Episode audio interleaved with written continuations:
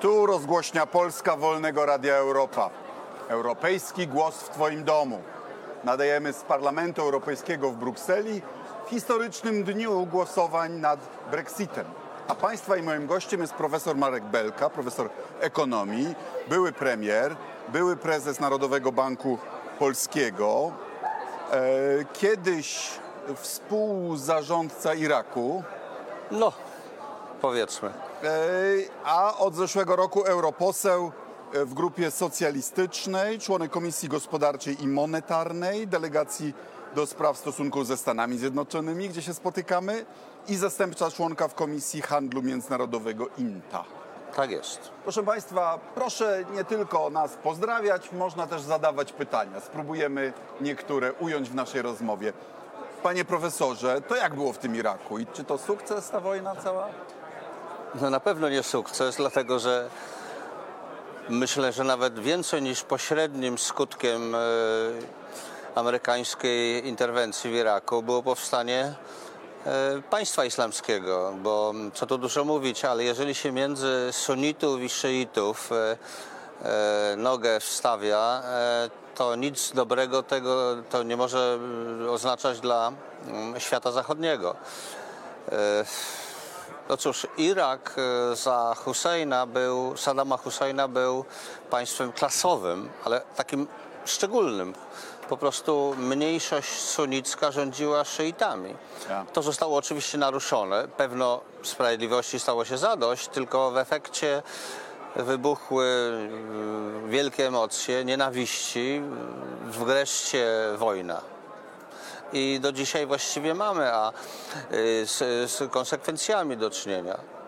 W gruncie rzeczy można powiedzieć, że dzisiejszy kryzys wokół Iranu i Iraku jest y, tego przedłużeniem, bo przecież y, tam dwie, dwa państwa, dwa re- regionalne mocarstwa, czyli Arabia Saudyjska i Iran, reprezentują tę stronę szyicką i sunnicką. Znów, między nimi się wdać, nic gorszego nie może dla nas I co, się spotkać. dwa tryliony, czyli nasze dwa biliony dolarów to, to kosztowało, nie?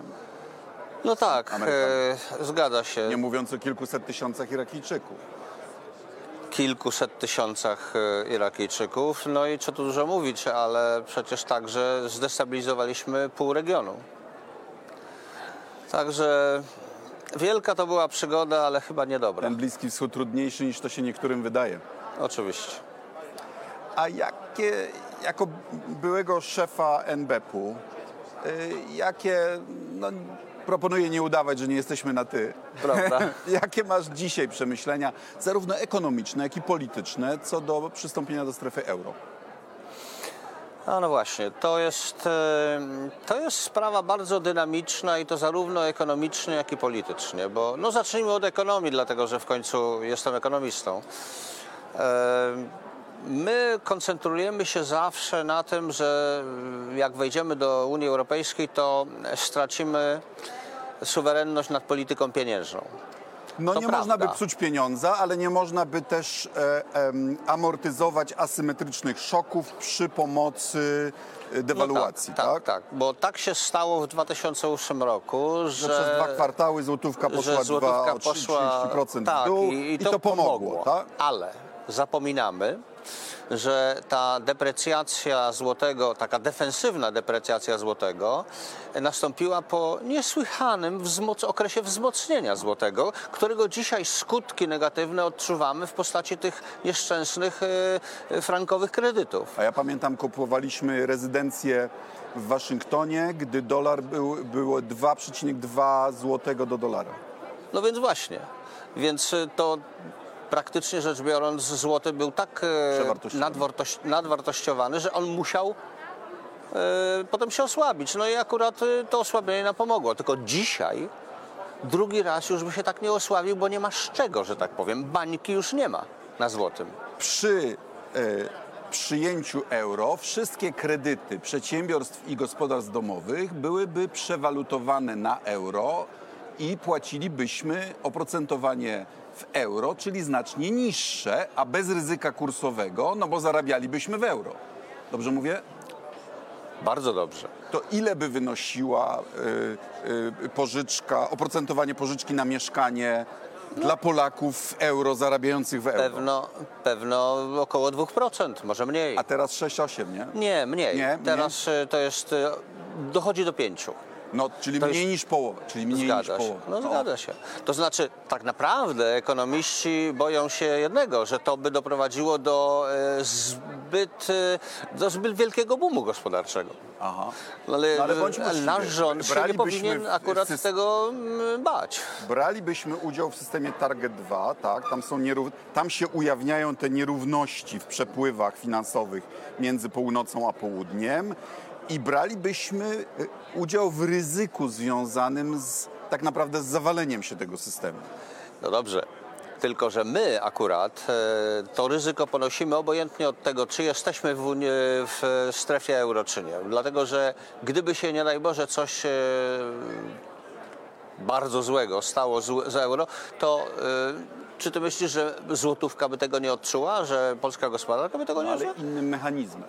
Mechanizmy byłyby inne, ale efekt na, e, na, na złotym, na polskiej gospodarce byłoby, byłby bardzo podobny. Czyli ekonomicznie jesteś za przyjęciem Tak, euro. ja myślę po prostu, że e, Plusy dodatnie przeważają nad plusami Z ujemnymi. ujemnymi, jak mawia klasyk. Prawda? Tak. Tak. Nie, ale przede A wszystkim.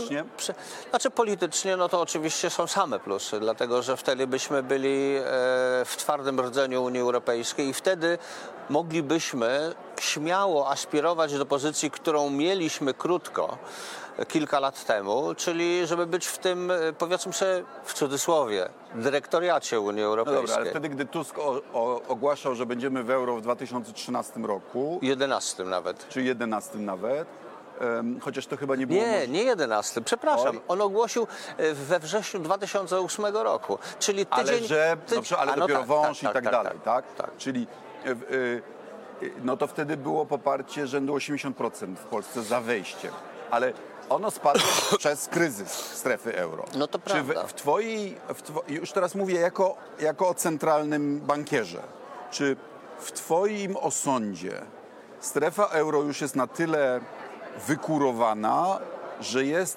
bezpieczna, że drugiego takiego kryzysu nie będzie? Takiego drugiego kryzysu nie będzie, ale oczywiście euro czy strefa euro dalej ma swoje słabości, a ten głównym, tą główną słabością jest niechęć do budowy silnej, takiej parapaństwowej, instytucjonalnej podstawy, podstawy euro.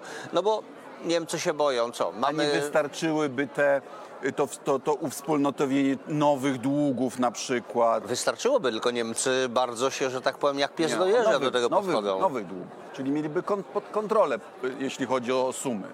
Nie, nie, na pewno tak, tylko że nawet tutaj jest, e, jest problem. Znaczy, kilka lat kryzysu gospodarczego i kryzysu euro powoduje, że opinia publiczna nie tylko w Polsce, ale także w Niemczech staje się bardziej ostrożna. E, Tylko, że tak, po pierwsze gospodarka europejska znajduje się w całkiem niezłym stanie. E, Inflacja, to czego Polacy zaczną się teraz bardzo poważnie obawiać, Ile przewidujesz będzie w tym roku? no, ja myślę, że spokojnie pójdzie do, godzin, do jakichś 4,5% w pewnym momencie, ale A jak długo w tej sytuacji można utrzymywać tak niskie stopy procentowe, czyli de facto ujemne?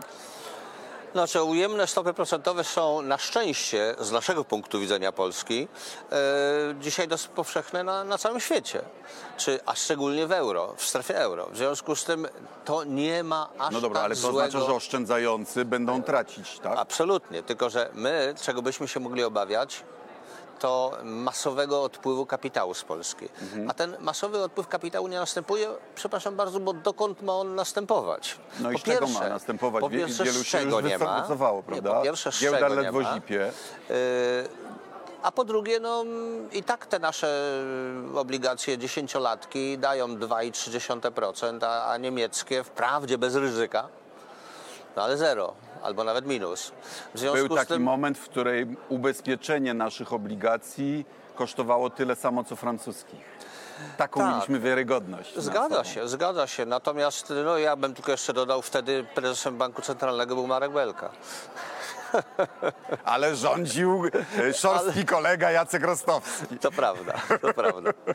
Który, zawsze to podkreślam, e, szorstki, ale on był znakomitym ministrem finansów. O, o tym jeszcze się zdołamy przekonać kiedyś, kiedy dokładnie i na spokojnie zanalizujemy, jak to było, żeśmy przeszli suchą nogą przez kryzys. Rostowskiego y, źle cytują, mówiąc, że mówił, że, że nie będzie na 500. De facto mówił, że nie ma na wszystkie obietnice PiSu. No ale póki co, proszę bardzo. Tak, y, myślę, że po pierwsze, nie, ale to nigdy ode mnie nie usłyszałeś, że e, nie będzie pieniędzy na 500. Mhm. Dlatego, że mm, po pierwsze dobra koniunktura, po drugie inflacja nie minus 2, tylko plus 2, to jednak dla budżetu jest bardzo dobre. A po trzecie, jednak pewien wpływ e, te, te, te, te instrumenty, no nazwijmy to wyciskające podatki od, od, od uchylających się od podatków, szczególnie watowców, e, no dobra, ale dały, teraz gospodarka jedzie na konsumpcji, tak? Ograniczyliśmy konsumpcję, zarówno y, inwestycje, zarówno prywatne, jak i y, zbiorowe. O, jak długo prawda. można jechać na konsumpcji? Y, na konsumpcji można jechać dale tak daleko, jak ona rośnie bardzo szybko, a ona właśnie przestaje rosnąć szybko. Y, już ten ostatni kwartał minionego roku pokazał, że... Ale to jest spadek z wzrostu, a nie spadek. Ale oczywiście. Radku, Polska ma tyle wewnętrznych sił wzrostowych. Jesteśmy dalej krajem nadrabiającym, catching up country. Milion obcokrajowców płacących na ZUS Także. też pomogło, nie? I... Zmniejszyło deficyt znaczy, w ZUS-ie. Ale przede wszystkim oni zarabiają i płacą podatki PIT ale przede wszystkim podtrzymują funkcjonowanie naszej gospodarki, bo bez tego miliona Ukraińców głównie, to wiele przedsiębiorstw, wiele zakładów handlowych, na przykład usługi by mogły no, mieć bardzo poważne problemy. Gdybyś był albo szefem MBP-u, albo ministrem finansów, albo premierem, y, jakie albo wszystko byś, razem, jak tak? decyzje, jakie decyzje teraz byś podejmował? Więc jeśli chodzi o politykę pieniężną, bo od tego mogę zacząć, to już byłem pytany na to, więc pytany o to, więc powtórzę. Ja bym od razu się nie rzucał z podwyżkami stóp, ale powiedziałbym jasno i wyraźnie, że gdyby tak zwana inflacja bazowa, czyli oczyszczona e, ze wzrostu cen żywności i energii, dalej rosła tak jak rośnie, zawsze ta inflacja bazowa była znacznie niższa od tej inflacji, powiedzmy sobie, headline inflation, czyli tej, tej, tej oficjalnej. Teraz jest taka sama praktycznie. Więc jeżeli by ta e, inflacja bazowa miała się utrzymywać dalej na wysokim, podwyższonym poziomie, to wtedy ostrzegłbym rynki, że trzeba by się było liczyć z podwyżkami stóp procentowych. Co do polityki pieniężnej, no to co do polityki budżetowej, no to cóż, no, myślę, że w tej chwili naprawdę nie ma co się specjalnie e, rzucać na następne programy socjalne, bo możemy się znaleźć w bardzo dużej studni e, finansowej. Ale to już, to już takie peronistyczne e, e, kupowanie znaczy, głosów, nie? No tak, oczywiście, zresztą zawsze tak było. Nie, no zawsze tak było przecież 500 plus, przecież ja pamiętam jak mówiono, że to ma nam dzietność zwiększyć. A, no, no, bzdura na, na resorach, ale oczywiście politycznie był to bardzo dobry, bardzo dobry e, ruch, a poza tym... Ale poza przyznajmy tym, też trochę w duchu czasu ym, tak. radzenia sobie z nadmiernymi nierównościami. Ale absolutnie, że tak. Absolutnie, a poza tym ja się nie zgadzam z tym, że państwo y, ma się nie zajmować w cudzysłowie, dużym cudzysłowie, rozdawnictwem, bo czasem rozdawnictwo jest potrzebne, żeby właśnie niwelować y, ubóstwo po prostu. Walka z ubóstwem jest oczywiście obowiązkiem, świętym obowiązkiem każdego rządu i to PiS zrozumiał i trzeba im to oddać. Pan Łukasz Dębski pyta nas, czy Polska może wykorzystać na swoją korzyść wyjście UK z Unii Europejskiej, na przykład poprzez wzmocnienie, ale skupmy się, y, y, czy, czy są jakiekolwiek dobre aspekty Brexitu dla Polski, dla Unii, dla Wielkiej Brytanii? Nie. Nie ma. Myśmy... Czy w związku z tym będziesz głosował przeciwko? Bo ja tak. Nie, nie, ja nie będę głosował przeciwko, dlatego że mm, w końcu no już skoro, skoro to już... Ja chcę mieć na się... piśmie, że byłem przeciw. Dobrze, nie, niech się to dokona, trudno. E, natomiast nie ma takich, e, nie ma pozytywnych skutków e, Brexitu dla Polski. No bo mamy dużą nadwyżkę handlową, tak? Jest prawda, ryzyko, że nasz jest, y, eksport będzie obłożony jakimiś restrykcjami. Jeszcze nie wiemy, jakimi. na razie się na to nie zanosi na szczęście. Niektórzy liczyli, że może część kapitału uciekającego z wysp A, ucieknie już, do Polski. widzę, tak. Jeżeli on będzie uciekał, to do Irlandii, do Francji, no, nie do Polski. do Berlina. Nie do Polski. Nie do Polski.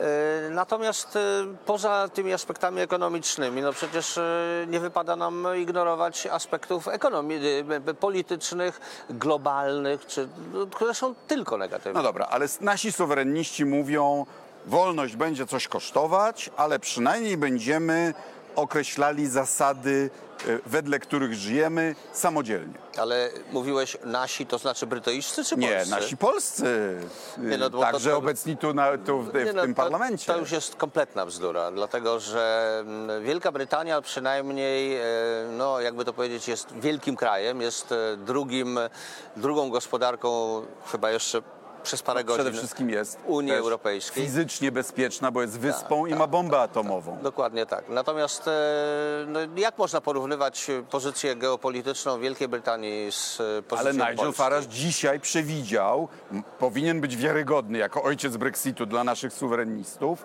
że Polska e, podąży drogą Wielkiej Brytanii. Ja powiem tak, znaczy może trochę przesadzę. E, Nigel Farage, zdaje się, tam całą listę tych krajów podał. E, My też na prominentnym miejscu jesteśmy. Mogę powiedzieć tak. No, coś miłego dla Putina musiał powiedzieć. W końcu cały czas w jego interesie w końcu traci pracę i, a i teraz Russia Today musi, No, no musi więc- się nim za, zaopiekować, no więc właśnie, prawda? Więc dlatego też, no, dlatego też e, Putin naprawdę mm, mówi sobie młodiec. Jaka jest horyzont czasowy, w którym będziemy mogli określić, czy, czy Brexit jest sukcesem, czy porażką? Znaczy z punktu widzenia Wielkiej Brytanii. Tak. Y, No to niestety nie może być, y, Dekada, nie? to może być właśnie kilka lat, dlatego że mm, przede wszystkim y, w dalszym ciągu Wielka Brytania do końca roku przynajmniej Wiadomo. zostanie, zostanie jakby w tych samych regułach. Ale potem będzie zostawiona sama sobie wobec trzech superpotęg gospodarczych: Stanów Zjednoczonych, Unii Europejskiej i Chin. I cały argument, że te umowy one będą bardziej pre, y, do, pre, precyzyjniej dopasowane do potrzeb Wielkiej Brytanii. Ale pytanie, czy to zrekompensuje to, że siła negocjacyjna Wielkiej Brytanii będzie, będzie słabsza, Ja prawda? myślę, ja myślę, że y, nie tylko siła negocjacyjna będzie słabsza, ale ta wspólna polityka handlowa y, Unii Europejskiej, w kształtowaniu której Brytyjczycy mieli olbrzymi udział, y, była zgodna z ich interesami. Więc y, ja mm, myślę, że dla Wielkiej Brytanii to także będą y, ciężkie czasy. Paradoksalnie, paradoksalnie jest jedna korzyść. Wielka Brytania czy brytyjskie społeczeństwo stanie się mniej antyeuropejskie. No tam po raz pierwszy powstał ruch proeuropejski. Tak, tak. Bo przecież e, e, mamy dość lat, żeby pamiętać, jak Brexit się zaczynał. On się zaczynał od szczucia na Unię Europejską, dokładnie takiego samego, jak, Tak, Jak dzisiaj mamy. Dokładnie jak, jak tak. dzisiaj mamy u nas. Jeżeli się- I tchórzostwa e, polityków w niekorygowaniu tych bzdur.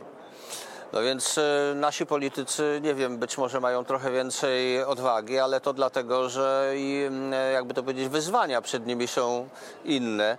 E, mogą sobie w związku z tym bezkarnie na tę Unię, prawda, e, narzekać, e, nazywając ją, A jesteś tak pewien, powiem, że bezkarnie, bo może panu ministrowi Ziobro zależeć na, jak mówią Anglicy, ubiciu dwóch ptaków jednym kamieniem. To znaczy wzięcia pod but sądownictwa, a w bonusie jeszcze wyprowadzenia Polski z Unii. Przecież pan A- był specjalnym gościem zjazdu Solidarnej Polski. To są ludzie, którzy chcą wyprowadzenia e, Polski z Unii Europejskiej i wcale się z tym nie kryją. No, tu można powiedzieć, że y, do, dotknąłeś sedna sprawy, że PiS się przebiera trochę y, za y, zwolenników Unii Europejskiej, ale tak naprawdę intencje są inne, a działania ministra Ziobro są akurat y, całkowicie przejrzyste. Wyjść z, i to z hukiem z Unii Europejskiej. Chcecie tego Polacy? No to głosujcie na tych ludzi. Znaczy, moim zdaniem po dzisiejszym oświadczeniu Faraża nikt nie może udawać, że nie wie o co chodzi. Zgadza się. Prawda? Zgadza się. Poza tym to jest tak. Pokaż mi swoich przyjaciół, Tak. a powiem ci, kim jesteś. No to przyjaciele to są właśnie, o, Nigel Farage. E, Kończąc, e, czy coś Cię tutaj e, zdziwiło, pozytywnie lub negatywnie w Parlamencie Europejskim? Bo też jesteś świeżynką, tak jak ja. Bardzo wiele rzeczy. Przede wszystkim parlament jest odzwierciedleniem społeczeństw europejskich, czy wręcz powiedziałbym społeczeństwa europejskiego. Tu się czuje to, nie? To się czuje. To jest e, więcej autentyzmu niż na przykład w Radzie Europejskiej, z którą myśmy obaj mieli do czynienia. Tam e, to są, ten, to są te elity.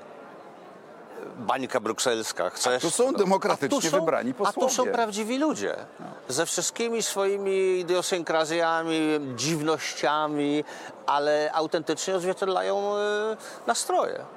I e, to nie jest tak, że Europa, jakby to powiedzieć, umiera. Wręcz przeciwnie. Znaczy, po tych ludziach, którzy tutaj są, widzę, że to jest po prostu, że Europa przez, przestała być nudna, polityka europejska jest ciekawa, ludziom na tym zależy. I powstała europejska polityka, prawda? I opinia Tak, publiczna. tak, tak. Mam podobne wrażenia. W, w tym, no, no, no to jest świe, świetne doświadczenie. Jeszcze takiego nie miałem. Pan Karol Wawrzyszkiewicz pyta, co się panu stało w dłoń, panie Radku? No widzicie państwa, wszyscy mówią, że praca europosła to takie bezpieczne zajęcie. Różnie z tym bywa. E, proszę państwa, serdecznie dziękuję naszemu gościowi, panu profesorowi e, Markowi Belce. Dziękuję bardzo. To, był, to była rozgłośnia Polska Wolnego Radia Europa, Europejski Głos w Twoim domu. Jeśli się państwo, Państwu spodobało, proszę nas lajkować, retweetować, podawać dalej na YouTubie. Serdecznie dziękuję. Do zobaczenia. Do zobaczenia.